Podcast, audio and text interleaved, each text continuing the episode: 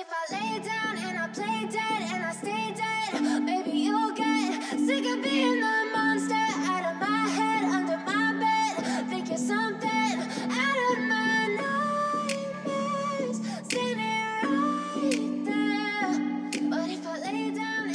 Sziasztok, ez itt a Szellemes Lányok Podcast. Megrögzött olvasó vagy, aki falja a könyveket és nem fél a spoilerektől? Vagy már az is csoda, ha egy év alatt száz oldalt elolvasol? Bármelyik is igaz rád, jó helyen jársz. Szót ejtünk örök kedvencekről, Aktuális olvasmányokról. és mindenféle könyvekhez kapcsolódó témáról. Én Mara vagyok, Én pedig Eszter. vagyis a szellemes lányok.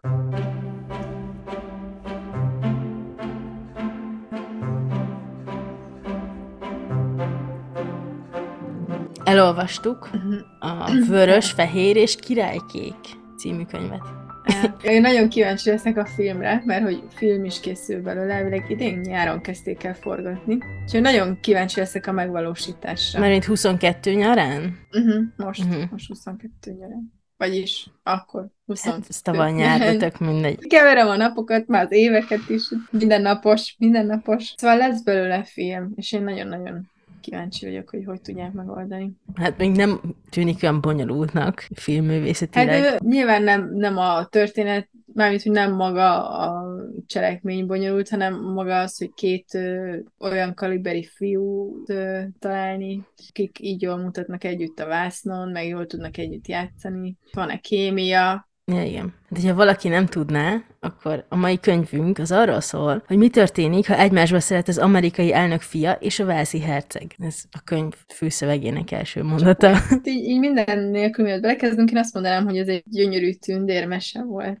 Uh-huh. Hát uh, igazából Uh-huh. tetszett, bár romantikus könyv, tetszett, úgyhogy végül is dokumentáljuk ezt a pillanatot, hogy Eszternek tetszett egy romantikus könyv. Hallottátok? Mindenki lejegyezte?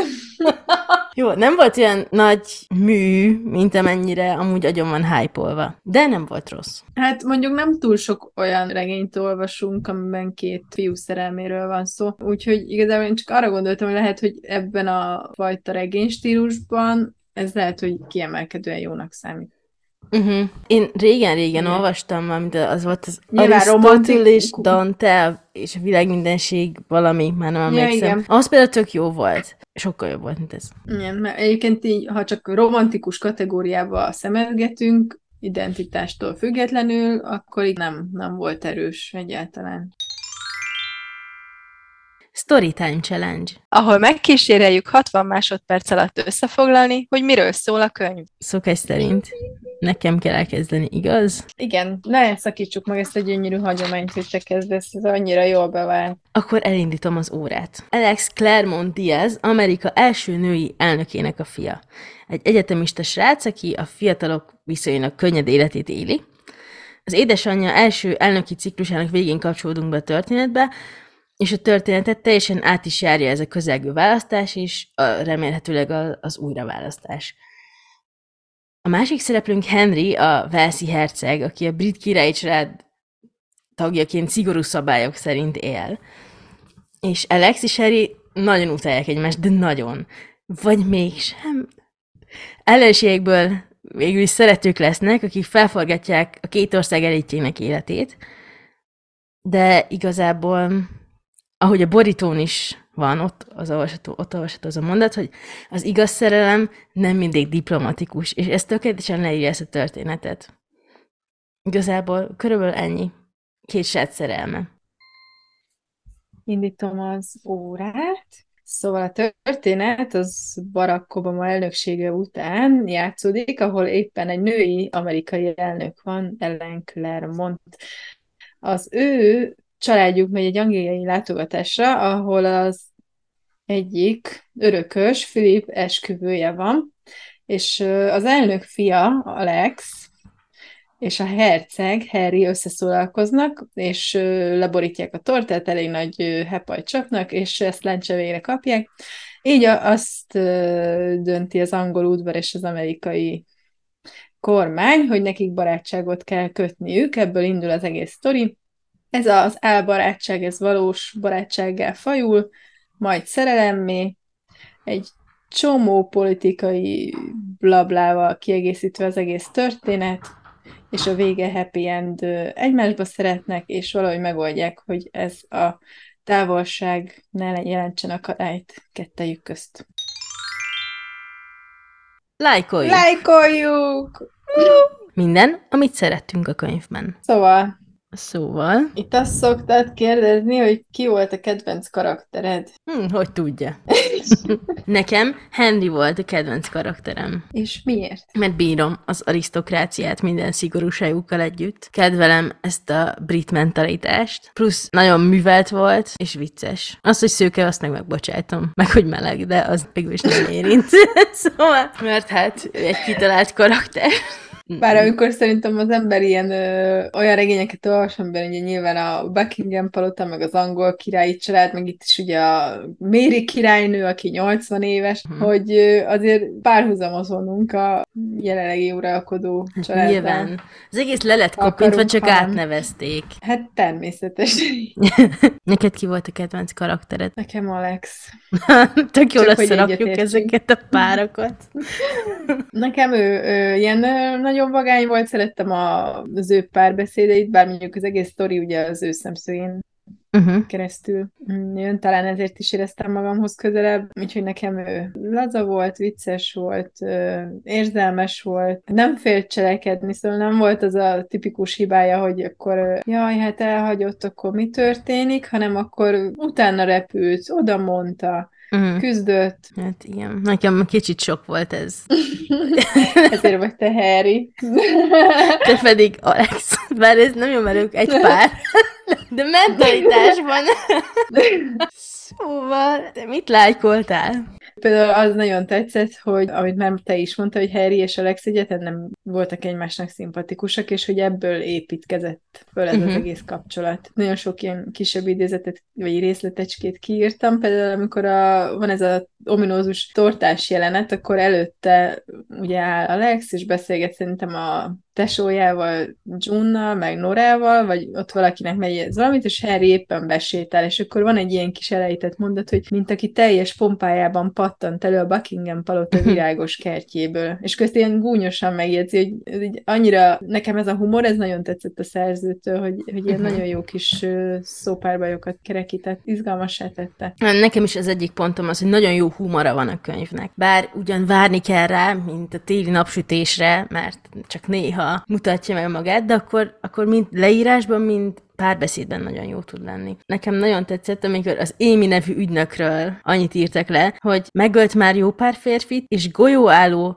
titán bőrönben hordja magával a kézi munka felszerelését, mert hogy amúgy szabad perceiben híbez.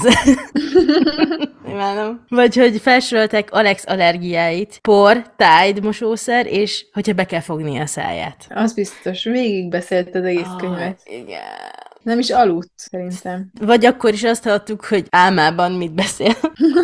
Hát ha már ugye egy romantikus könyvről van szó, nem, egyébként nem nagyon tudtam még így elképzelni, mert amit olvastunk, ugye eddig a Heartstopper volt, viszont az egyrészt képregény volt, másrészt meg ott az ilyen ifjúságibb regény volt, az inkább a felfedezésről szólt, uh-huh. meg a meg hogy így felfedezed a, a szexualitásodat. Itt meg már meg is élték. Itt azért voltak erotikusabb jelenetek, érzékletesebben le volt írva, itt azért nem feltétlenül úgy volt, hogy elképzeled, vagy rád vagy hagyatkozz a képzeletedre, azért itt, itt azért belement a szerző ilyen jelenetekbe, és hogy azt tapasztaltam, hogy igazából ugyanúgy tudtam olvasni, mintha egy, egy női-férfi párosról lett volna szó, hogy Mhm. szépen, szépen leírta, teljesen lehetett érezni, hogy Harry és Alexnek egymás felé érzelmeik vannak, még amikor ugye nem is mondták ki, hogy szeretik egymást, de hogy végig jelen volt ez a feszültség közöttük, úgyhogy ezt kimondottan tetszett, hogy ezt érezni lehetett. Uh-huh. Igazából én ennyi orális szexről még sosem olvastam.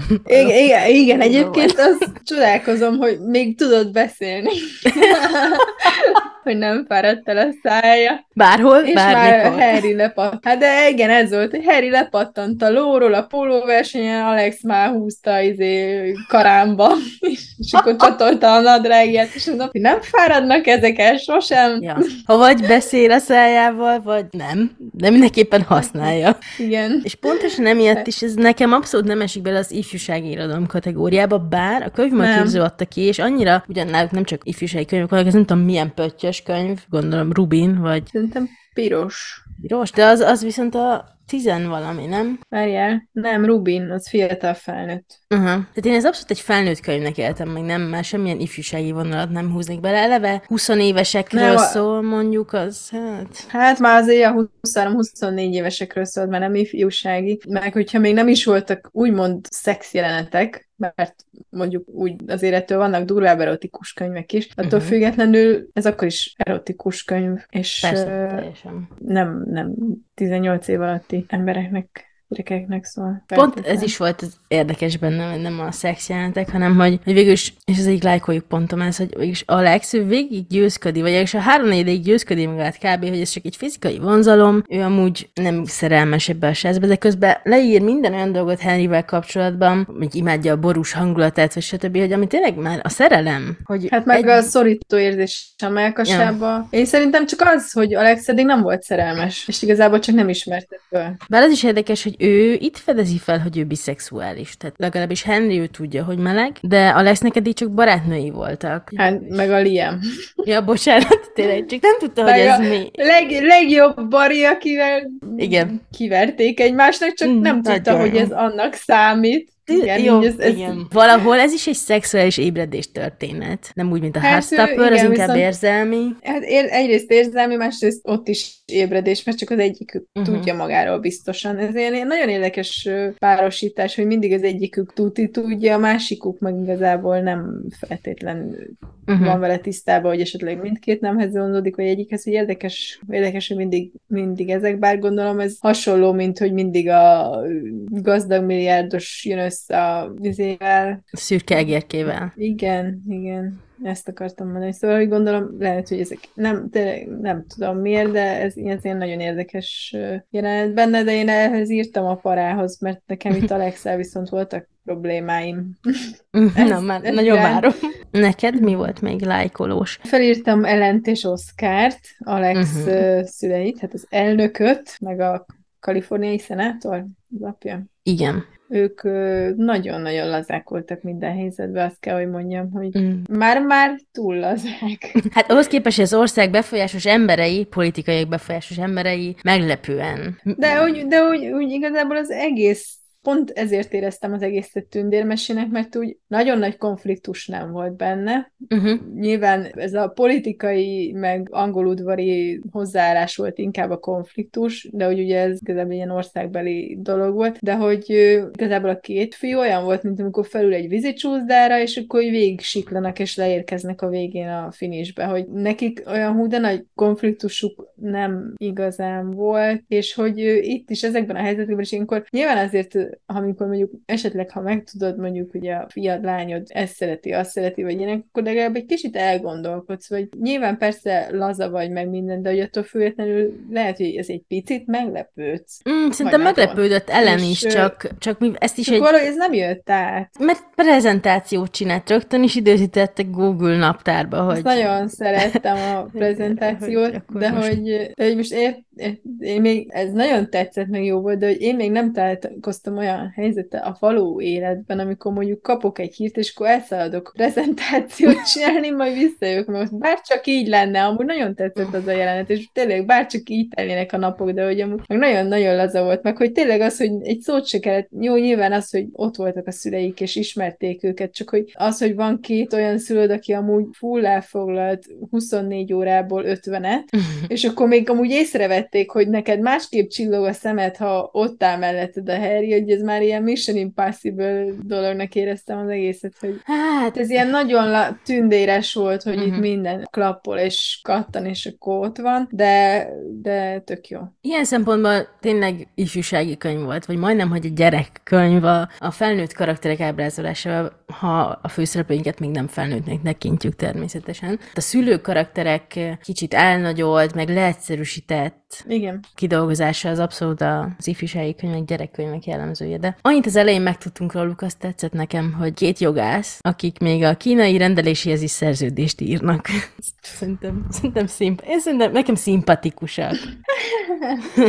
De hogy kommunikáció, vagy hát igazából nem konfliktus szempontjából, nekem azt tetszett, hogy nem kommunikációs konfliktus volt benne, mert a legtöbb női regényben, a legtöbb romantikus regényben az szokott lenni, hogy félreértik egymást, nem beszélnek, stb. Itt a két fiú tök nyíltan beszélt mindenről, és ez nekem nagyon tetszett. És igazából tényleg konfliktus nem volt benne abban az értelemben, hogy igazából kulturális konfliktus volt, meg státusz ütközés. Igen, de hogy, de hogy a két fiú fiúként is viselkedett. Annak ellenére, hogy ők szerelmesek voltak egymásba, ők attól függetlenül férfiak voltak. Uh-huh. És ez teljesen átérződött. Igen, de szerintem sokkal kommunikatívabbak voltak, mint amúgy a férfiak. Vagy nem. Nem tudom. Jó. Ha férfi leszek, megmondom. Nem tudom, szerintem a lányok mások, a lányok játszmáznak, drámáznak, nem mindenki tisztelt a kivétel, és ez most nyilván most regényekről beszélünk, nem a való életről, úgyhogy senki ne vonjon párhuzamot egyik szavunk között sem semmivel, de hogy, de hogy igen, a lányok játszmáznak, drámáznak, taktikáznak, megkerülik, leselkednek, a barátnő beleszól, amit tudom én mi, itt meg tök csupaszon ők voltak, nem, nem voltak ilyen baráti jó tanácsok, amúgy is titok volt, maguk között intézték. Ugye egy ilyen barátságból indult, ahol már alapból nyíltan beszéltek egymással. Nekem nagyon tetszett, hogy annak ellenére, hogy mondjuk együtt voltak, már attól függetlenül ugyanúgy azt mondták egymásra, hogy faszfej, meg mit tudom én. Mhm. Attól nem változott meg a dinamikájuk. Ez nekem nagyon-nagyon tetszett. Én nem, nem éreztem Mennyire? emiatt, Ja, mikor vált ez szerelemmé ebből a amúgy mesterségesen kialakított barátságból, mert onnan indult az egész, hogy egy PR szempontból nekik barátkozniuk kell, hogy ez mikor csapott át szerelembe. De az életben sincs ilyen határvonal, mint könyvekben szokott lenni, nincs egy bizonyos Igen, mert ugye ez ilyen nagyon vékony volt, mert szerintem folyamatosan vonzódtak egymáshoz, és Mhm. igazából ez, ez már szerintem megvolt az elejétől fogva, csak nem feltétlen mondták ki, vagy ismerték föl. De hogy pont azért is volt jó, mert hogy ettől nem változtatták meg azt, hogy, hogy Mhm. másképp beszélnek egymással, vagy, vagy ilyesmi, hanem hogy tényleg attól függetlenül őszinték tudtak maradni, Mhm. és elfogadták egymás hibáit Ez igaz. ez jó ötlet volt, hogy ugye Amerikát és Angliát így a két úgymond uralkodó, nyilván a Fehérház és a brit királyi család szembeállítása, az, az tetszett. Henry Amerikát egyszer szakadár Angliának nevezi, az nagyon tetszett. Igazából az amerikai és az Mondják angol mentalitás mindig egy tuti dolog azt szembeállítani, és ettől már eleve van a két szereplőnek egy olyan kontrasztja, hogy onnan már csak bővíteni kell a személyiségüket, mert mind a kettőről van egy sztereotíp képünk, és nekik is egymásról. Igen, meg azért egész jól ö, hozták a szerepet. Igen, Henry a titokzatos, a megfontolt, a kicsi kimért, szinte klisés szőke herceg, Alex meg, ahogy le is írták, a temperamentumos kis naiva. És nem elég, hogy temperamentumos, ugye itt még, még azt is ö, cégkeresztbe állítja, nem elég, hogy ugye, hogy meleg, hanem hogy még, még félig bevándorló, Uh-huh. és hogy az anyja női elnök, szóval hogy elég sok olyan fantázia elemet tartalmazott, vagy, vagy ilyen utopisztikus elemet, ami, amitől már egy kicsit nekem sok lett néha. Igen, mindenki meleg volt körülbelül, de legalábbis biszexuális. Ugye anyuka első női elnök, egy volt férje, tehát elvált nőként. A volt férje egy Ez mexikói pláne. bevándorló. Igazából ez... Aki amúgy Kalifornia szenátora Ja, lett, igen. és Texasból jönnek a mexikói bevándorlók, már Nyilván. ez összezavarodott ott teljesen. Igen, de amúgy szerintem az egy zseniális alapszitu, hogy, hogy Amerika első női elnöke elvált az első férjétől, aki egy mexikói bevándorló, és az újraválasztási kampány alatt derül ki az ő fiáról, hogy aki amúgy maga is politikusi pályára készül, hogy biszex. Ez tök jó lenne, de valahogy ezt nem tudta az írónő belevinni, hogy érezzem, és ezt mind csak tudtam, le tudom írni jegyzetbe, de hogy nem éreztem közben, hogy, hogy ilyen komplex lenne az egész, de erről majd a parában beszél.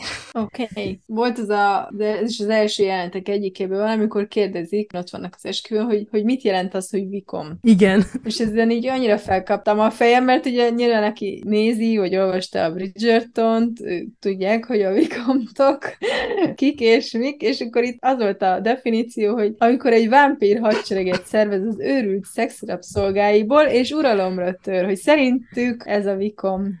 Én csak azt nem értem, hogy nem tudják a különböző nemesi titulusokat. Nekem tök- Amerika? Nem. Igen, nekem ezt, de, de, De- ne de vicceljünk most- már, hát Hát de miért most, hát én nem nézem a Bridgerton családot, mert, mert mondjuk nem létezik, legyen egy ilyen csúnya, szomorú világ, ahol nincsen nincs Anthony Bridgerton. Bridgerton. Ajaj. Na mindegy, igen. Akkor, akkor én sem biztos, hogy tudom hirtelen, mi az a vikom. Én Csak pislogok, hogy ez most ki, meg hogy nem mindenki olyan okos, mint te. Bocsánat, ezt mindig elfelejtem. Kikérjük magunknak. De nem, de hát, De, de hogy, könnyen, ö, de, de, hogy ö, De mi? Hát itthon a báró, azt mondjuk ismered. A herceget ismered. A grófot nem ismered. tudom, mik vannak még. Hát ugye van a a, grófot ismered. báró, de a vikont- gróf, a vikomt, a herceg, a főherceg, nagyherceg, mind, de Igen, ugye de ami itthon hasonlatos a Vikomtot annyira nem használtuk, és rég volt már a történelem óra, ha mondjuk nem olvastál ilyen regényt, akkor nem jön veled szembe, szóval nem feltétlen tudod, hogy a Vikomt az ki, ki Na jó, jó. kinek jön. Jó, elfogadom. De egyébként akkor ide jó, egy csak mondom. érdekességnek megjegyzem, ha már akkor. Szóval, hogy a snob szó eredetét szeretném most akkor így spontán elmondani. Amikor régen a fiúk elmentek csodálatos egyetemekre, akkor be kellett írni nevüket a könyvbe is. Oda a státuszukat is a beiratkozáskor le kellett írni. És lehetett vikomt, vagy lehetett gróf, vagy báró, vagy herceg, és hogyha nem volt neki ilyen titulusa, akkor azt írta le, hogy ez snob, mint színe nobilitáta mindenfajta nemesi rang nélküli. Innen jött a snob, aki azok között létezik, akik amúgy nemesek, de ő maga nem rendelkezik nemesi címmel. De Saj, Saj. sajnálom, ez most kijött. Köszönjük. Kultúrperceket hallhatták Eszter. Amúgy érdekes, nem tudtam, hogy innen jön a snob szó. És végül is akkor nem is feltétlenül jól használjuk, de mindegy. Vagy manapság, mert nem. Ugye? De most majd tudom, kit kell snobnak hívni. Nekem nagyon tetszett, hogy Harry B. Gülnyét Davidnek hívja. Igen, És és, a- és ez David Bowie-ról. Igen. Igen, és hogy Alex meg azt mondta rá, hogy olyan, mint egy kutya könyvelő, hogy milyen unalmas név a David, amíg nem tudta, hogy a Bowie után kapta a nevét, és ez annyira aranyos volt. És ez annyira jól szimbolizálja az angolok csendes lázadását, hogy ő belül egy ilyen ikonikus alternatív zenész után nevezi a kutyáját, de csak ő tudja, mert az átlagos keresztnevét használja az embernek. De ez annyira, annyira jól mutatta, milyen angol arisztokratának lenni, szerintem. Mm, nekem nagyon tetszett a trónok harcás utalás is, meg igazából tényleg a szópárbajok kifogyhatatlanak voltak. Volt egy olyan rész, amikor Alex beszól Harrynek, hogy arról szól a megbeszélés, hogy melyik unokatestvéredet kell feleségül venned, hogy megszeretett királyvárat. Ugye ő is így beszól, hogy akkor nyilván így a belső házasságok, amik már így a modern Angliában valószínűleg nincsenek, remélem. De hogy, de hogy így igen, ez az unokatestvérházasság, meg hogy királyvárat megszerezni, szóval hogy tök jó ráérzett ezekre az apró pontocskákra, amikor oda kell szúrni. Hát mondjuk a trónokharcás utalások köz bennem semmit nem mozítanak meg, mert gőzöm sincs róla, de, Ja. de oké. Okay. De az Azkabani fogolyt, fel, azt, azt felismerted, Nyilván, hogy azt meg a- a repülőútra, Alex. Persze, meg a csillagok háborúját is, Ezek de... nagyon tetszettek. Igen, a Harry Potter az többször megjelenik benne. Rowlingot Joanne-nek hívja Harry. Néha olyan gyorsan váltogatta a szerző a neveket, így egymás mellett, hogy néha Aha. sokszor el kell gondolkodnom most, ki, ki, kiről van szó, és kicsoda, és micsoda, mert Mhm. elvesztettem, hogy ez kiről szól ez a rész. Igen, nekem az elején volt. ez a June, Nora, és még Ellen, mint anyuka, és nem Igen. teljesen tudtam, és ki van, meg volt ez a Zara, aki a PR-os, vagy hát így a személyi titkár. Igen, néha nem tud, megvolt, hogy elnöknő, de elfelejtettem néha, hogy Ellennek hívják, és akkor nem tudtam ki ez az Ellen, aki csak így néha bejön. ki ez, és mit Igen. akar. És Igen, ez nagyon zavaró a- volt, és, utána- és olyan, June is most, hogy June és Nora mindenkit annyira a testvér kategória volt, hogy így nehezen is értettem, amikor De közben Nora az extra Hát is. igen, rájöttem, hogy a... Aki amúgy tök jó fej, és hogy barátságban vannak, mert Ja. igen, ez így működik. Aki a lakását telepakolt a könyvekkel és növényekkel. Csak ennyire emlékszem Norából, de ez szimpatikus volt.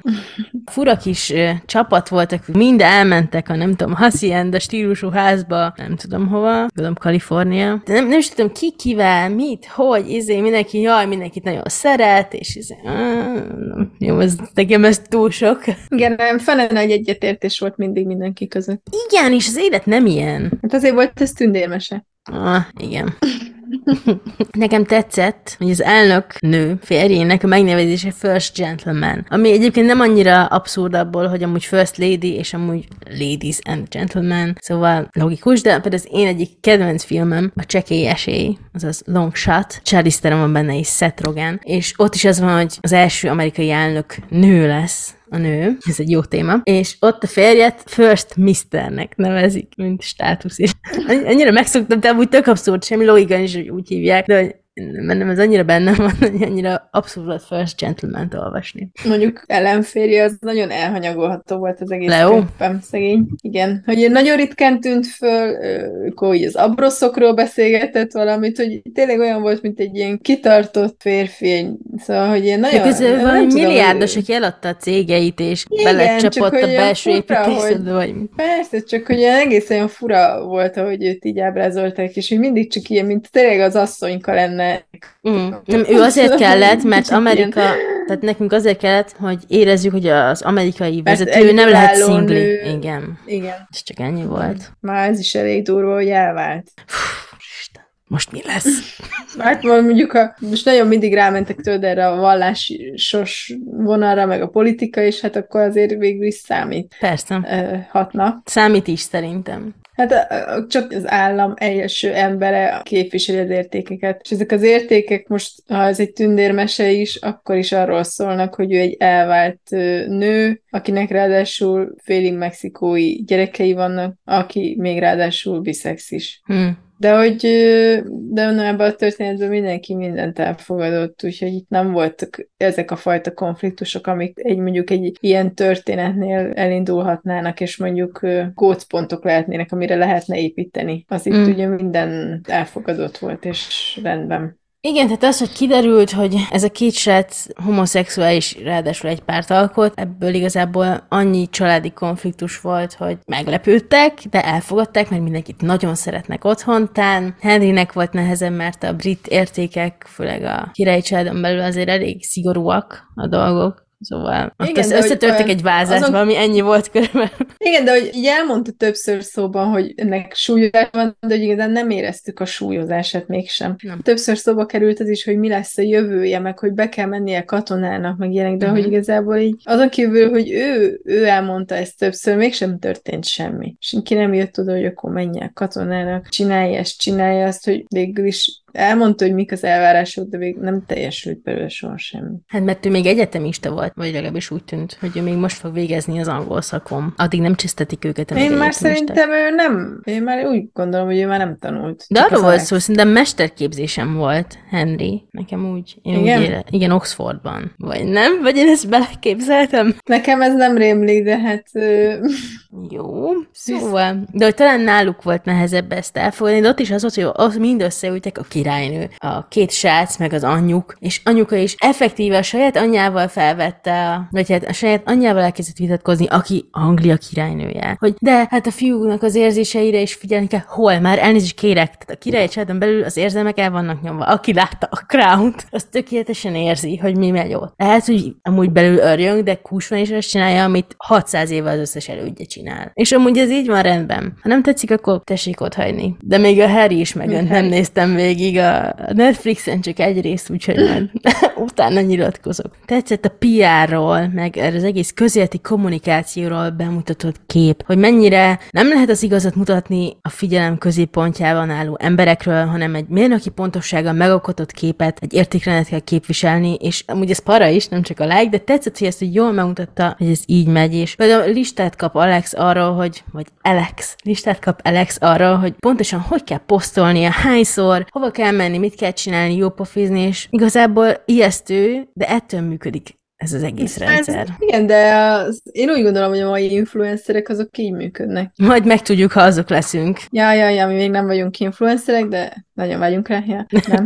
Nagyon. Ö, Nagyon. És én úgy gondolom, hogy ott is nyilván ez megvan, hogyha valamit reklámozol, akkor mikor, hogy fogod, hogy fotózod, gondolom ezeknek meg kell lennie. Persze. Úgy igazából ez ugyanez volt az is, hogy ö, ugye a nyilván kinyilvánított lista, ami Harry kedvenc ö, olvasmányait, zenéjét, filmjeit, STB tartalmazza, amit ugye nyilván összeállítottak neki különböző szakértők, azt szerint, hogy neki a legjobban, meg mi az, ami legközkedveltebb olvasmány, és a többi, és a többi. Ez Azt tök fura volt nekem, hogy ilyen szinten, tehát hogyha azt mondaná, hogy ő, ő George Eliotot tartja legkedvencebb írójának, akkor belemennek abba, hogy nem lehet, mert George Eliot amúgy Marian Evans, és nem, nem lehet, nem tudom már ki volt még. Álnéven, női író álnéven. Én Fér- tudom, hogy ah, igen, álnéven. de hogy olyan De fura, hogy, hogy, ezt most nyilván csak hogy ez problematikus, tehát az a fura, hogy olyan szinten belemennek abba a képbe, amit képviselni kell, amire egy privát emberként, vagy magán, magánemberként az ember nem gondolna, hogy tök mindegy, ez egy klasszikus író, tök jó művekkel, mibe lehet belekötni, de hogy ennyire tényleg, hogy mondtam, ilyen mérnöki pontossággal meg kell alkotni a, karaktert, a, a, az embernek a nyilvános karakterét is, ez valahol ijesztő. Másrészt tanultam erről, és tudom, Hát hogy igen. ezt így kell csak. Hát igen, meg ugye nekik nem feltétlen a magánembereket kell becélozni, hanem pont azokat is, akik esetleg belekötnének. Persze. Hm. Nekem nagyon tetszett ö, Zara és Sán titkos kapcsolata. Ugye Zara volt Alex testőre, Sán pedig uh, Harry, vagy titkára, titkárok, valami titkár. titkára, de, de hogy ők ugye közben, amíg Harry meg Alex folytatták ezt a kis viszonyt, addig ők meg eljegyezték egymást, és volt, most nem tudom idézni, azt nem írtam ki sajnos, az a kis telefonbeszélgetés, amikor a Alex majdnem megvallotta a szerelmes érzéseit Harrynek, és ezzel Harry félbeszakítva hivatkozott rá, jó, most ö, alud másnap szó nélkül lépett, és akkor Alex erre berágott, és repülőre pattant, és utána utazott, és akkor ott a repülőn, vagy mielőtt felszállnak, hívja Zara Sent, hogy ide figyelj, vedd fel, és akkor nem tudom, helyre tette, hogy és Én akkor csak- most oda megyünk, és ez Az a magántelefonszáma volt arra volt szó, és én így képileg arra emlékszem, hogy, Igen, hogy ékszert csinál a golyóiból, hogyha nem adja át a telefont. igen, igen. Remélem, ez a kép De még sokáig élni fog a fejemben. Hmm. Szóval, olvassátok el. Ők, ők ilyen csöndesek voltak, de, de amikor egyszer-egyszer megszólaltak, az nagyon jó volt. Nekem tetszett a két fiú csetelése, mert mindig, Harry mindig szép, egész mondatokat írt, központozása minden a helyén, Alex pedig se ke- nagy kezdőbetű, rövidít, nem minden össze-vissza, tehát így a különbséget lehetett érezni. Ez nem az Ez e-mail, olyan, hanem a mintha mi beszélgetésünkkel. Igen? Szerintem a mi csötünk is így néz ki. Tudom. Tudom. 90 százalék. Tudod, hogy így tudod, én is én vagyok Alex. És én vagyok Henry. Egyébként tök érdekesek ezek a párhuzamok, mert ez amúgy így nem tűnt fel, csak az, hogy, hogy érdekes. Ugye? Most meg Új, új. Nekem nagyon tetszett John pólója, amikor már ö, kiderült Harry és Alex szerelme, és akkor az volt a pólón, hogy történelmet írunk, igaz? Ezt ugye beszerezte ott egy sarki árustól, ez, ez annyira tetszett, hogy ezt, ezt így külön ki is írtam, ez egy jó kis mondat. Illetve volt Harrynek is egy beszólása Alexnek, hogy te vagy a bogáncs életem érzékeny kőműves dekoltázsában. Hogy ez, ez milyen menő, é- építkezős slang, ez, ez nagyon tetszett. Igen. Ilyen mű, mű, olyan, mint egy ilyen művész a- az építkezésen, és akkor ezt így elszólja magát, ez nagyon tetszett. Henry nagyon, nagyon jó dolgokat tudott mondani. Alex tényleg inkább csak temperamentumos volt. Nekem tetszett a pulyka kaland, amikor a, hát két pulyka, akinek hálaadáskor ünnepélyesen megkegyelmez az amerikai elnök, azt a két pulykát azt ötcsillagos hotelbeszálláshoz javasolják el előző éjszakára, és hogy állatorvos bizonyos rendszerességgel folyamatosan figyeli őket, hogy rendben vannak-e. De amikor Alex megtudta, hogy mennyibe kerül ez a szálloda, úgy döntött, hogy erre a közpénzekből ne költsünk, úgyhogy inkább rak be az én szobámba őket anya. Anya berakta őket Alex szobájába, ezért Alex nem tudott aludni egész éjszaka. És nagyon tetszett, hogy ott még csak barátkoztak Henryvel, nem, nem volt még ott kapcsolat, de felhívta Henryt, hogy úristen, nem tudom, van furán volt megfogalmazva, hogy hurok, hurok, hurukkolnak. Hurukkol. Olyan fura volt nekem ez a... Huruk. Jó, én, én tudom hangilag, csak így le, olyan fura volt, én nem láttam még leírva ezt a hangutánzó szót, de ugye, és akkor ott szarakodtak, hogy hogy lehet direkt csinálni, hogy hallja Henry, és nem mindegy, és hogy igazából azt mondta Alex, és ezt tetszett nagyon, hogy ő azért fél, meg azért nem, nem mer igazán aludni, mert mi történik, mi lesz, hogyha itt a Jurassic Park fog itt történni, mert hát végül is a madarak, ezzel a pulykék is, a raptorok közvetlen leszármazottai, és így lesz, a kiszabadulnak. Az jó jelenet volt. Szerintem is. Nekem még nagyon tetszett az, amikor már felvállalták a kapcsolatukat, és Harry megszállt a fehérházban, akkor a királynő hálója elnevezésű legrózsaszínebb szobát kapta. Tényleg. Ugye? De igen, teljesen sokkolva volt. Ez már ott a végén De volt, ilyen- nem amikor szobát kapott Végén, a fehérházban. Igen, igen, de nagyon vicces. Meg még nekem a, ezek a kódnevek is nagyon tetszettek, hogy June és Alex kódnevei a Csillagfürd és Barracuda ja, igen. néven mentek, jó pofa volt. Amit amúgy maguknak választottak. Nyilván, bár, ha igazán menők lennének, mint a pilóták, akkor lenne egy névadó esemény, és mindenki valahogy megkapná, de nem magának adná. Azt hiszem, ott úgy van. De mindegy. Nekem tetszett, hogy Henry mennyire sok mindent tud a meleg irodalom és történelemből, szóval, hogy ki volt meleg, hogy mit írt, stb. történelmi személyek, hogy fejlesztette ezt a tudását, és valamennyire ez Alexre is ragadt, tehát aztán Alex is írt nem tudom milyen levélrészleteket, meg meg volt, ugye, emlékszem, volt, hogy ezt nem írtam fel sajnos, hogy pontosan nem tudom szó szerint, hogy volt, de írt valami levelet, amiben hivatkozott valamire, és zárójelbe odaírta, hogy lásd bibliográfia. És visszajött neki Henry, hogy soha életében nem mondtak neki olyan szexi dolgot, mint hogy lásd bibliográfia. Van. És igazából ezt teljesen át tudom érezni. Jó csávó veszély! Ahol kiválasztjuk a történet legvonzóbb pasiait. Mm, Na, ki a jó csávó? Na, hát én, kett, én felírtam mindkettőjüket, mert végül is mindketten jó csávók. Szerintem is. És vége a szegmensnek. Mindkettő, és vége. Nem, annyival kiegészítettem, hogy felírtam a rohadt hosszú neveiket, az összeset, hogy egyszer elhangozzon, Na, gyerünk. meg, meg annyit kiírtam, hogy ki, ki játsza majd őket a filmben, mert ez fontos. Uh-huh. Szóval Alex, ő Alexander Gabriel Claremont Diaz, ő még egy egész könnyű. Igen. Aztán itt van nekünk Harry, aki Harry George Edward James Fogg Mont Kristen Windsor. Mm. Ez már egy kicsit hosszabb. Szép, szép. H, G, E, J, F, M, V, Nem tudom, hogy lehetne rövidíteni. Ja, hát szerintem nem szokták rövidíteni. Vagy egyet használnak keresztül. Megadom, Harry Windsor. Most megnéztem, ki fogják játszani őket a filmben, el is leragadtam a Google-nél. Hát a Csókfülke kettőben játszik, aki az Alexet fogja játszani. Halványlag gőzöm sincs, miről beszélsz. Csófülk, ez mi? Nagyon jó, Jó. majd megnézed. Biztos élvezni fogod minden percét, nem? De mindegy. És a, ugye a Harryt pedig a Nicolas Galitzin fogja játszani, aki most a Bíbor szívekből biztos, hogy mindenkinek ismerős. Csak Eszternek, nem? Ha másból nem is. Hát ezt el- elküldjük egy külön tanfolyamra, ahol ezeket megnézi. De... Jó. Jó lesz. És Uma hát látod lesz azért nem? a, az elnök asszony. Látom a fotókat. Ú, De látod a fotókat, milyen szép fiúk, nem? Ja, hát izmosak. Szépek. Meglátjuk, ez rendezésfüggő is, nem elég, hogy szépek valakik. De hogy nem. Dehogy is. Nagy az egyetértésünk ismételten. Na jó. Igazából, ja, tehát hogy elvileg mind a kettő az adott világban, amivel játszódik ez a történet, a jó csávó, akikre az összes plegykalapír, hogy kivel járnak, hogy milyen ruha volt rajtuk, hogy hova pislogtak. Állandóan őket hasonlítgatják össze, vagy ők a két nagyon menő fiú, úgyhogy igazából nehéz választani közülük, azt mondani, hogy egyik a jó cseh, vagy másik. Hát ez már csak beállítottság kérdése, hogy a visszafogottabb Harry, vagy a nagy dumás Alex. Ugye Harrynek mindig, azt hiszem az Alex az volt az első, amit beszólt, elég sok mindent szólt be neki, de hogy a nyakkendőjére is beszólt, hogy mindig ilyen unalmas darabokat hord. És akkor a legvégső jelenetben valami kis mintás van neki, valami lila mintás, vagy nem is emlékszem. Majd mustárságára Az emlékszem valamiért, de ne, ne, ne, ne, pedig nemrég fejeztem be, de... De a, egyébként erre tökéletes választatott Henry, mint mindenre, hogy a család tagjaként ő nem öltözhet kakadúnak, tehát igazából nekik tényleg az a fontos, hogy mindig elegánsak legyenek, tökéletesek legyenek, de sose, legyen, sose legyenek feltűnőek. Úgyhogy nyilván nem roboghat be egy, nem tudom, Mikulás letolt nadrágja hátsó fele kilátszik mintás nyakkendővel. Mindegy. Bár azt mondom, hogy egyszerűen egy sima kockásról beszéltek, de mindegy. De te már elragadtattad magad.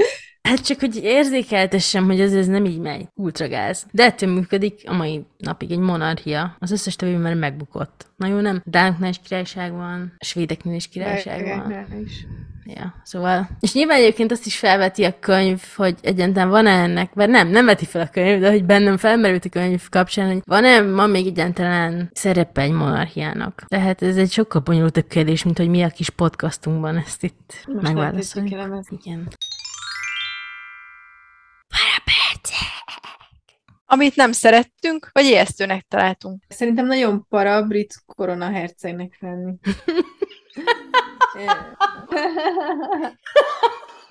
Hú, hát nem hittem, hogy ilyen, ilyen, ilyen távolságról közelítjük ezt meg, de oké. Okay.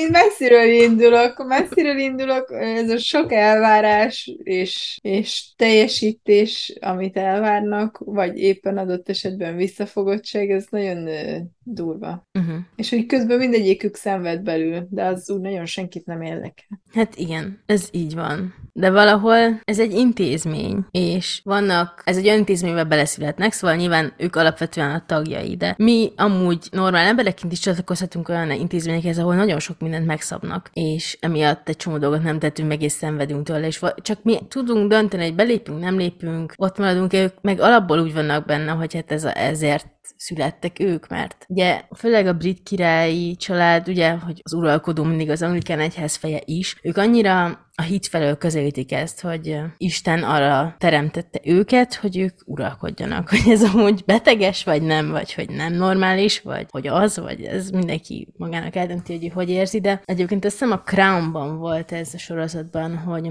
ott az öreg Mária királynő, aki a nagyja volt Erzsébetnek, mondta, hogy azért, tehát hogy Istentől származik ez a család, vagy az uralkodó, és ezért van az, hogy őt nem választják, hanem őt felkenik. Hát igazából szerintem ez csak-csak a hittel lehet valószínűleg megemészteni ezt az életet, amit amúgy én biztos nem tudnék elképzelni. De ha már ha már itt tartunk, akkor én elmondom azt a parát, ami abban a percben elkapott, ahogy megbeszéltük, hogy ezt fogjuk olvasni, és megláttam a borítót, és ezt a felcsapót, hogy a, mi történik, ha egymásba szeret az amerikai elnök fia és a Velszi herceg. Szóval a Velszi herceg A Velszi hercegre, helytelen használata. ezt én is felírtam. A jó büdös, nem, nem szoktam káromkodni ebbe a podcastba annyit, de most annyit tudnék. Hát már alapból Filip helye akkor lebeg. Meg Nem nem a Harry a Velszi Tehát- herceg, akkor ki Filip? tisztázzuk gyorsan, a Velszi herceg, mint titulus, azt mindig a trónörökös viseli, tehát az az első, a trónöröklés és sorrendben következő első számú személy, és tehát ilyet nem viselhetne egy második fiú, és ráadásul ők az jelenleg uralkodó unokái, tehát igazából ugyanolyan szitu, mintha Erzsébetről beszélnénk, Williamről és Harryről, igazából így elhelyezkedésben. Csak annyi, hogy ennek a két nem az, az édesapja, a királynő gyermeke, hanem az édesanyjuk. Ezért már fura az egész szitu, tehát akkor ott még lennie kell egy egész generációnak, akik közül majd valaki a koronát örökli, nem az unokák öröklik rögtön. Tehát ez fura volt számomra. És még azt sem mondhatjuk, hogy nő nem örökölhet, mert hát Erzsébet is királynő, szóval simán lehetne, az ő anyjuk Catherine lesz a következő királynő. Tehát igazából ez így tök vad volt. Másrésztről Én úgy emlékszem, volt benne egy jelenet, amikor elhangzott, hogy ö, mikor a Harry figyelte, hogy veszekszik a jelenlegi királynő és az anyja, hogy, hogy hamarosan most már az anyja készen áll rá, hogy átvegye. Igen, de akkor miért... Jó, mert Viszont én azt nem értem, hogy miért hívjuk, a Harry, miért hívjuk Harryt koronahercegnek, ha nem ő a koronaherceg, hanem a Filip, mert ő a bátyja. És ő már megházasodott, és azon szenved nyekek, hogy nem akar gyereket, de amúgy muszáj utódot ö, nemzeni, de ha Harry lenne a koronaherceg és a Velszi herceg, akkor Filipnek nem kéne nyekegnie, hogy elvette egy csajt, meg gyereke kell legyen, hiszen akkor elvileg Harry lenne a következő soron, de nem ő a következő soron, mert ő a fiatalabb. Igen. Ez, ez tök, Szóval, tök vad nem- volt számomra. Ezt én is felírtam, mert ez, ez zavart végig. Én, tehát én mitől végig, végig minden egyes alkalommal ideges voltam ettől. És hát a Velszi Herceg, mint cím, ennek utána néztem, mert annyira idegesített, hogy én tudom hülyén, vagy, vagy vannak itt ilyen kis kiskapuk, amivel ezt meg lehet magyarázni, nincs. Tehát első Edward 1284-ben csatolta Velszi hercegséget az angol királysághoz, és innentől kezdve mindig az uralkodó azon utódja viseli ezt a címet, aki a trónörökös is rendben az első. Tehát amikor a Velszi hercegből uralkodó lesz, az újabb trónörökösre száll a cím. Amit most láttunk, nem olyan rég, hogy Károlyból, aki Igen, Velszi viszont herceg akkor volt, az harmadik. any- anyjuknak kéne lenni Ez az, de... a Velszi herceg nőnek. Hát igen, viszont azt írták, hogy ha az angol királynak, vagy királynőnek nincs fia, vagy nincs úgy örököse, akkor, vagy nem olyan egyértelmű, akkor nem adják ki inkább a Velszi herceg címet, mert csak bezavarodna, mert mindenki tudja, aki ezt viseli, az lesz a következő uralkodó, ha a jelenlegi uralkodó meghal. Tehát igazából, ha azt csináljuk, hogy amúgy még, még csak az se volt, hogy nem, nem, vagy ha még csak az se volt, hogy nagyon megváltoztatta volna a királyi család felépítését, vagy nagyon nem éreztük volna rajta, hogy olyan, mint ami, amit mi is ismerünk, akkor azt mondtam volna, hogy jó, tök mindegy. De annyira ez volt, és tényleg, hol van szerencsétlen Catherine a sorban? Hát ő a királynő gyereke, szült két fiút, biztosította az utódlást, és kihagynak a trónröklésből. Ez olyan? Én egyébként azon is elgondolkodtam, lehet, hogy a fordítás nem volt jó. Hmm. De azt csak a Prince of Wales-t mondjuk, csak Nehéz máshogy fordítani. igen, Ugye megnézem, angolul van nem, valami. nem értem. valamilyen... Hát az van. What happens when America's first son falls in love with the Prince of Wales? Ez igazából nem rosszul van fordítva. Rosszul lett írva, vagy... Hát igen. Mindegy, ez engem is rohadtul zavart, hogy emiatt még fantasysebbnek éreztem, hogy egyetlen semmi nem stimmel benne. igen. Nem sok minden. Már alapból itt van a tök para, jó nem para, mert reméljük egyszer majd eljön, de itt van egy női elnök, aki elvált bevándorló gyerekekkel. Itt van egy Velszi herceg, aki nem is Velszi herceg, mert a nem tudom, hanyadik az utódlási sorrendben, de hívjuk Velszi hercegnek.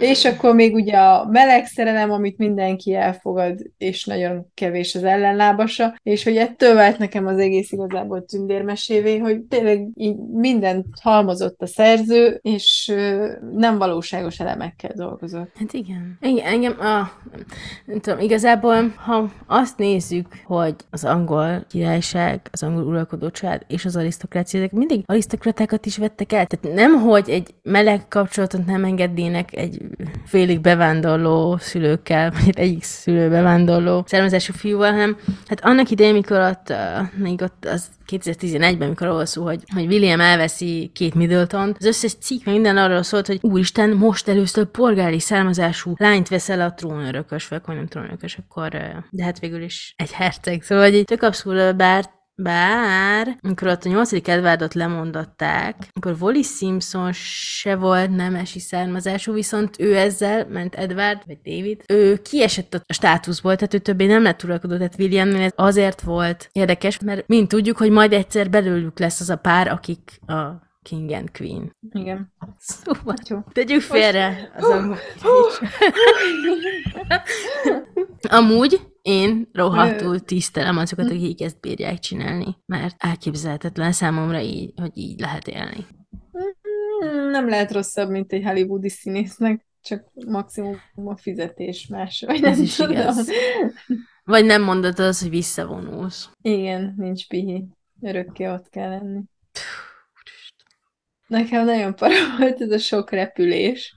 Ah, Már egyébként az olvasástól is dehidratált lettem, meg fáradt, és hogy ez ide, oda repülök, Mm. és semmi nem számít, nem alszunk, izé, mindent eldobok, ott vagyok mindjárt, és így igazából ez, ez hosszú út volt, meg nem olyan, hogy így ezt mindig lezavarom, és ezt így olyan durván sokat csinálták, hogy nagyon para volt. Plusz ezek magángépek, és ezért ez környezetvédelmi szempontból egy elég durva dolog. Meg pénzügyi szempontból. Hát de ennek ez nem az ő pénzük abban az értelemben, hogy... Hát az jó, de attól az még valakinek a pénze. Hát ezt tudom, én adófizetők. Szintén a kedvenc Jackie Esély című filmben van, mert ott a főszereplő hölgy, a külügyminisztere éppen Amerikának, vagy majd elnök lesz belőle. Ott is az volt, hogy a szövegi, szövegírója lesz, aki vele majd összejön, és az úgy kampányol, hogy van egy ilyen mondat, hogy a sok magánrepülés vizé le kéne állítani, mert minden egyes hidraulikus repesztéssel szó szerint segbe kúrjuk földanyát. De ezt azt nem kivágom.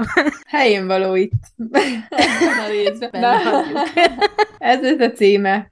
Nekem az volt az egyik parám, hogy ez a történet jelen időben van megfogalmazva. Amit jobban utálok, mint amikor egyes szám első szemében van megfogalmazva. Ez legalább egyes szám harmadikban volt. Gond- Gondoltam is rend. Köszönöm. Elnézést, ez lesz a káromkodós epizódom, de én ettől agyfaszt kaptam. Ilyen borzalmat. Nem tudom, valaki szereti ezt a jelen időt olvasni? Vagy írni? Ne csináljatok ilyet írók, Nekem... Jó? jó? Jó? Na, te jössz. Jó. Ö, nekem a politikai részek voltak parák, mert hogy maga a történet, az rendben. Elfogadom a leírást, elfogadom a jelen időt, meg még sok mindent elfogadok, de hogy még, még végig kell szenvednem egy csomó politikai rizsamizsát, amit oldalakon keresztül nem is értek, mert hát az amerikai politika már a magyar sem, de hogy az amerikai sem. Éppen a hétköznapi elfoglaltságom, és akkor itt a szenátorok, meg leírások, és ilyen iroda, meg olyan iroda, meg ez történik, meg ez történik, és így, hát ott így mm, itt magányos lettem. Szomorú. Én ezt amúgy viszonylag élveztem. Érted, egyik pillanatban még, még a Harryvel romantikázik, aztán repülget, aztán már a szenátusról beszélgetünk. Nem igazán tudtam néha, hogy hol az Istenbe vagyunk már. Most a teszem, hogy egyik percen még azt írja le, hogy Henry farka a szájában van, majd azt, hogy amúgy az elektori rendszer, igen, különös volt, különös elegy volt. Nekem az elején volt egy ilyen gondolata Alexnek, hogy mikor Henryről beszéltek szerintem a Zarával, hogy kb. úgy tűnik, hogy annyi személyisége van, mint egy káposztának, és ez a tipikus sztereotípia az angolokról, hogy de unalmasok is, izé, és ez így rögtön belecsaptunk ebbe. De amúgy valószínűleg tényleg unalmasak, de de feltétlenül talán nem annyi személyiségük van, mint egy káposztának. Nem tetszett ez a kifejezés. De... Igen. Nekem, ami egyébként a legkevésbé tetszett, és megint ez, hogy nem volt realisztikus, megint ilyen ez az idealista, meg tündérmese, ezt nagyon szerettem most használni erre a történetet, de hogy amikor ugye Alex vívódott a szexualitását illetően, azt én nagyon rövidnek és semmilyennek éreztem. Uh-huh. Hogy mondjuk, ha megcsokol egy fiú, és rájövök, vagy rájössz, hogy tetszik, akkor utána nem annyival tudod le, hogy hm, igen, ez jó volt. És végülis, ha visszaemlékszem, akkor volt egy gyerekkori barátom, akivel néha összejöttünk, de ezt nem gondoltam bele, hogy ez az, vagy hogyha megnézem a fiúkat. Á, igen, akkor biszex vagyok. Jó, akkor mostantól biszex vagyok. Szóval, hogy én, én úgy gondolom, hogyha az ember a szexualitását illetően, vagy bármit illetően megvilágosodik, vagy rájön dolgokra, akkor az egy kicsit komplexebb és összetettebb gondolatokat eredményezhet, és akár időben is hosszabb vívódás lehet, mint itt. És hogy, hogy egyáltalán az, hogy mérlegelje, hogy ez mit jelent az ő jövőjére nézve, mérlegelje, hogy ez mit jelent ránézve, hogy neki mi, mik az érzései ezzel kapcsolatban, de hogy ez, ez így annyira el lett így simítva. Uh-huh. Ezzel teljesen egyetértek. Nagyon, hogy mondtad, elindulnak egy csúszdán lefele, és elérik a végpontot. Tehát nem volt bonyodalom, nem volt konfliktus, Igen, nem hogy- volt belső vívódás, nem volt külső Ne. probléma. Igen, igen, és így ez is ez tök komoly fordulat, mert hogy az, hogy Harry tisztában van a saját vonzalmával, ez egy dolog, de hogy az Alex az nem volt tisztában. És hogy ahhoz képest, hogy éri egy ilyen új dolog, pikpak rávágja, hogy oké, okay, végül is miért ne? De hogy azért az élet az nem ilyen egyszerű. És talán Nem. ebben áll a könyvnek az egyetlen hibája, majdnem, hogy az egyetlen hibája, nem, mert a Velszi herceges fiaskó, az fájdalmas, de hogy fő, fő hibája az az, hogy túl egyszerű. Mindemellett amúgy benne van a Igen. potenciál. Amit már említettem, hogy ezzel a háttérrel, amit Alexnek adtak, meg a családjának, azzal tök izgalmas történetet lehetett volna kerekíteni. De az író nem tudott ezzel élni. Nem, pedig a humora az megvan, meg a tehetsége is, csak Igen. A mélység valahogy ez, hiányzik. ez, ez nem mélység, igen. Nekem egy parám van még. A vége fele, hogy a női elnök kapcsán, tehát itt cikkeztek már a két elnök kapcsán, a női elnök kapcsán felmerül a kinézetének a kérdése is. Ez nyilván így van, bármennyire is zavaró, tényleg benne van, hogy fizikailag valakinek milyen a megjelenése, ez döntő szerepet játszik. Amúgy abszolút nem oda tartozó kérdésekbe, tehát nyilván nem arról van szó, hogy a Vogue címlapján lesz szupermodell, hanem vezetni fog egy országot egy megfelelő tudással a háta mögött. De akkor is hogy néz ki? És erről most így 5 perc az adásra jut eszembe jutott a Kennedy-Nixon vita, ami 60-ban volt, 1960-ban, és ez volt az első ilyen tévében közvetített uh, ilyen választási vita két elnök jelölt között. És ezt egyetemen tanultam, vagy hát ott hallottam ezt a sztorit, és ez tök érdekes volt. Ez egy nagyon nehéz időszaka volt Amerikának, bár nekik mindig vannak nehéz időszakaik, mert mindenbe belenyúlnak, de hogy ez épp itt a hidegháború és a Sputnik pánik kellős közepén voltunk, vagy voltak, és ezért egy nagyon erős talpra esett határozott vezetőt akart magának a nép. És nagyon első tévés vita, még senki nem tudta, hogy hogy a kamera mennyire kíméletlen, vagy hogy a fények, a bevilágítás mennyire kíméletlen. Ezért felmerült, hogy sminkelni kell a férfiakat is. Ez ma egyébként egy teljesen bevett dolog, ez nem azt jelenti, hogy magenta színű személyfestéket és hatalmas műszempillákat raknak rájuk, hanem tisztán csak az, hogy egy végül majd bevilágítva egy természetes színű színe legyen az arcuknak, illetve ne csillogjon a homlokuk. Egy ilyet felraknak. És Kennedy hagyta, hogy őt kisminkeljék, Nixon viszont nem hagyta, hogy kisminkeljék. És um, pontosan emiatt a felvételen látni, hogy Kennedy egy, tehát szépen bronzos lett szerintem amúgy kell az életben, de látni olyan egészséges színe van, bár fekete-fehér felvételről beszélünk még. Tehát Kennedynek egy egészséges színe van, erőteljes kisugárzása van, tényleg egészségesnek néz ki. Nixon viszont meglehetősen sápat. Szóval erre, igen, így idegtolódtam egészen onnan, hogy az elnök nő kinézetéről beszélnek, de hogy igazából tök mindegy, hogy ki, hogy nő vagy férfi, valamennyire ez számít. Kennedy-nél is elvileg nagyon számított, hogy elvileg jóképűnek számított, aztán ránézel, hát nem mondanád, hogy jóképű, de mondjuk Nixonhoz képest nem nehéz. A, abban a korban lehet, hogy ideál volt. Igen. Vannak ilyen korszakok, akkor nem értjük, hogy mi, miért. Van ilyen. Na mindegy, ezt a kis anekdotát gondoltam, megosztom. Köszönöm. Nekem igazából a záró gondolatom csak annyi, hogy Filipet, nekem ő volt még para, hogy egyáltalán nem, nem tudtam közelérezni magamhoz, igazából egy paraszt volt, és egyáltalán nem volt támogató. De még ha nem is érti meg, és nem is tudja úgymond támogatni a testvérét, de legalább ne akadályozza, vagy... vagy Most mi, miben tudta volna támogatni a testvérét egyébként? Hát nem is az, hogy támogatni, csak hogy legalább ne baszogassa. Mm, ja, hát igen. Másrészt úgy tűnik, hogy Filip is bele lett kényszerítve egy nem érdekházasság, de majdnem, hogy nem egy különösen szenvedélyen alapuló kapcsolatba. Várják tőle, hogy trónörököst, vagy hát utódot nemzen, tehát igazából nem könnyű. Miközben nem is ő a Velszi herceg. Az írónőnek, ha valamit, Jó. ezt sosem bocsátjuk meg. Már elnézést kérdezünk, és válaszolunk. Ahol saját magunkat kérdezzük. Te mikorra tudod elképzelni azt, hogy női elnöke lesz Amerikának? Úgy a valóságban. Hát hamarabb látom magam előtt, hogy a Velszi herceg homoszexuálisnak eh, titulálja magát.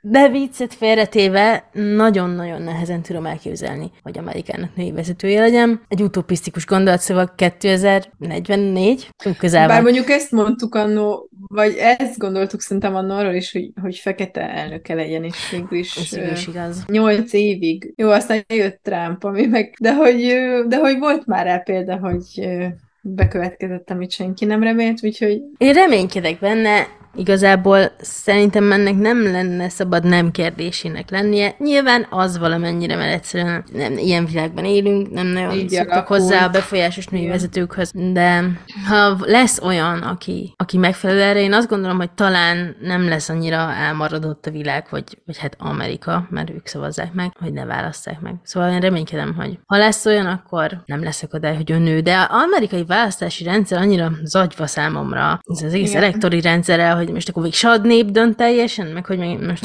sok helyen elmondhatnánk, hogy nem a nép dönt, de hogy így mm, nem, nem, nem tudnám kilogikázni, hogy mert elvileg arról volt, hogy Trumpnál se ő volt a befutó, csak végül ez a, az elektori szavazatok döntötték el. De hogy ez így van-e, vagy csak valahol olvastam, és azt sem tudom, hova tegyem nem tudom, de végülis Trumpot nem választották újra, szóval még egy ember az idősebb Bush mellé becsatlakozott, aki csak négy évig szolgálta a népet, mert nem kért többet a nép. Az én kérdésem, hogy szerinted jogos-e az, hogy a napvilágot látott homoszexuális kapcsolat miatt kiteszik Alexet a kampánystábból. Azt nem értettem, hogy ott annak mi köze van bármihez. Én azt gondolom, hogy csak úgy voltak vele, hogy most itt el kell tüntetni, Tehát, hogy itt ne, ne zavarjon ez bele a, a közelgő Ja, a választásokba. De, Igen. de szerintem nem, egyrészt nem jogos, mert amikor leleplezték őket, akkor erre külön kitértek, hogy a körül lett kirakva a kampányból, és erre ráugrottak. Másrészt meg utána mindenki teljes melszélességgel mellette állt, és az ügye mellett, és hogy ebből ne csináljunk ügyet címen, ezt így próbálták természetesre venni, ergo maradhatott volna. Mm. Semmi nem függött volna szerintem ettől, hogy ő most kivel van, vagy kivel nincs a magánéletében. Hát igen, tök fura. Hiszen a többieknél se lett kivizsgálva, hogy ki kivel jár, meg kivel nem. Azt a részt ott nem értette, hogy minek kellett kitenni. Több szabad ideje lett. Nézette újra, olvasott újra Harry Pottereket, meg nem tudom, mit nézett már, azt elfelejtettem. Igen. A Fehérházban vagy az angol udvarban töltenél be szívesebben valamilyen szerepet? Itt az angol udvarban. Ez nem egy bonyolult Jó, ezt kérdés. is megtudtam. Sokkal kifinomultabbak, mint az amerikaiakban, ne legyenek nagyon sztereotípjeink, biztos Amerikában is vannak kifinomult lények, de nekem tetszik az egész történelme. meg a. A lényeg, hogy minden rezgésével inkább a, a brit mentalitás felé, felé úszódok, vonzódok, tartok. Szóval érted, britek, te? Értem. Én szerintem nem tudom, de talán Amerika. Csak hogy jelen mondhassak neked. De végül is, ha belegondolsz, Henry és Alex két teljesen más személyiség volt, és mégis jók voltak együtt. Ugyanígy vagyunk mi is, csak mi jó podcastosok vagyunk együtt, ők meg jó pár voltak együtt. De az ellentétek kiegészítik egymást. Szerinted reális a könyv vége? Tehát egy ilyen botrány után úgy mondom, és kiderült, hogy az amerikai elnöknő fia homoszexuális, vagy hát biszexuális. Szerinted egy ilyen botrány után újra választanák-e anyukát? Befolyásolni? Szerintem nem. Nem. Uh-huh. Biztos. Biztos, hogy befolyásolná az embereket. Nyilván el is kezdődött ez a tüntetés. Itt megint egy kicsit afele billent a mérleg, hogy most ezt az egészet kedvezően alakítsa, mert ebben a történetben minden kedvező volt Uh-huh. végkifejletében. De hogy pont ezért nem is volt reális, mert nem voltak következmények. Igen, ez az. Nagyon. Semminek nem voltak következményei. Nagyon abszurd. És ez nagyon fura volt. Még nekem az is, hogy mm, igazából elmennek, most semminek nincs következménye, jut eszembe, hogy még elmennek bulizni karaoke bárba, és oké, okay, hogy a, a testőrök azok ellenőrzik a helyet, meg biztosítják, de hódzi el, hogy paparazik rájuk kapnának, vagy de, hogy ez Ez nem így megy, hogy mindenki arra a tudvariás, hogy csak mosolyog, meg meghívja őket itt arra, de Hát- senki nem fotóz semmit. Ez meg annyira- nekem ez tényleg annyira egy absz- Büdös se kerül ki, meg semmi. Igen. Szóval a tündérmese elméletet továbbra is stabilan áll a lábain. Igen, megdönthetetlen az Meg. egész. Mi lenne a fehérházbeli kódneved? Mm. Azok vicces nevek voltak, ugye? Csillagfürt és barrakuda. Uh, lefagytam. Mm. Neked? Én most azon gondolkodtam, hogy szívesen lennék csillámsas. Ja, tudom, akkor ú, ú, ú, tudom, én dzsungeltyúk. Dzsungeltyúk és csillámsas. Megvan! Átírom a csetekben a nevet. Jó, jó, jó. Mostantól ezeken a neveken veszünk. Igen, elérhetőek, így keresetek ránk. Csillámsas és dzsungeltyúk. Szerinted mit jelent a könyv címe? Ö, micsoda? Vörös, Vörös, fehér és fehér.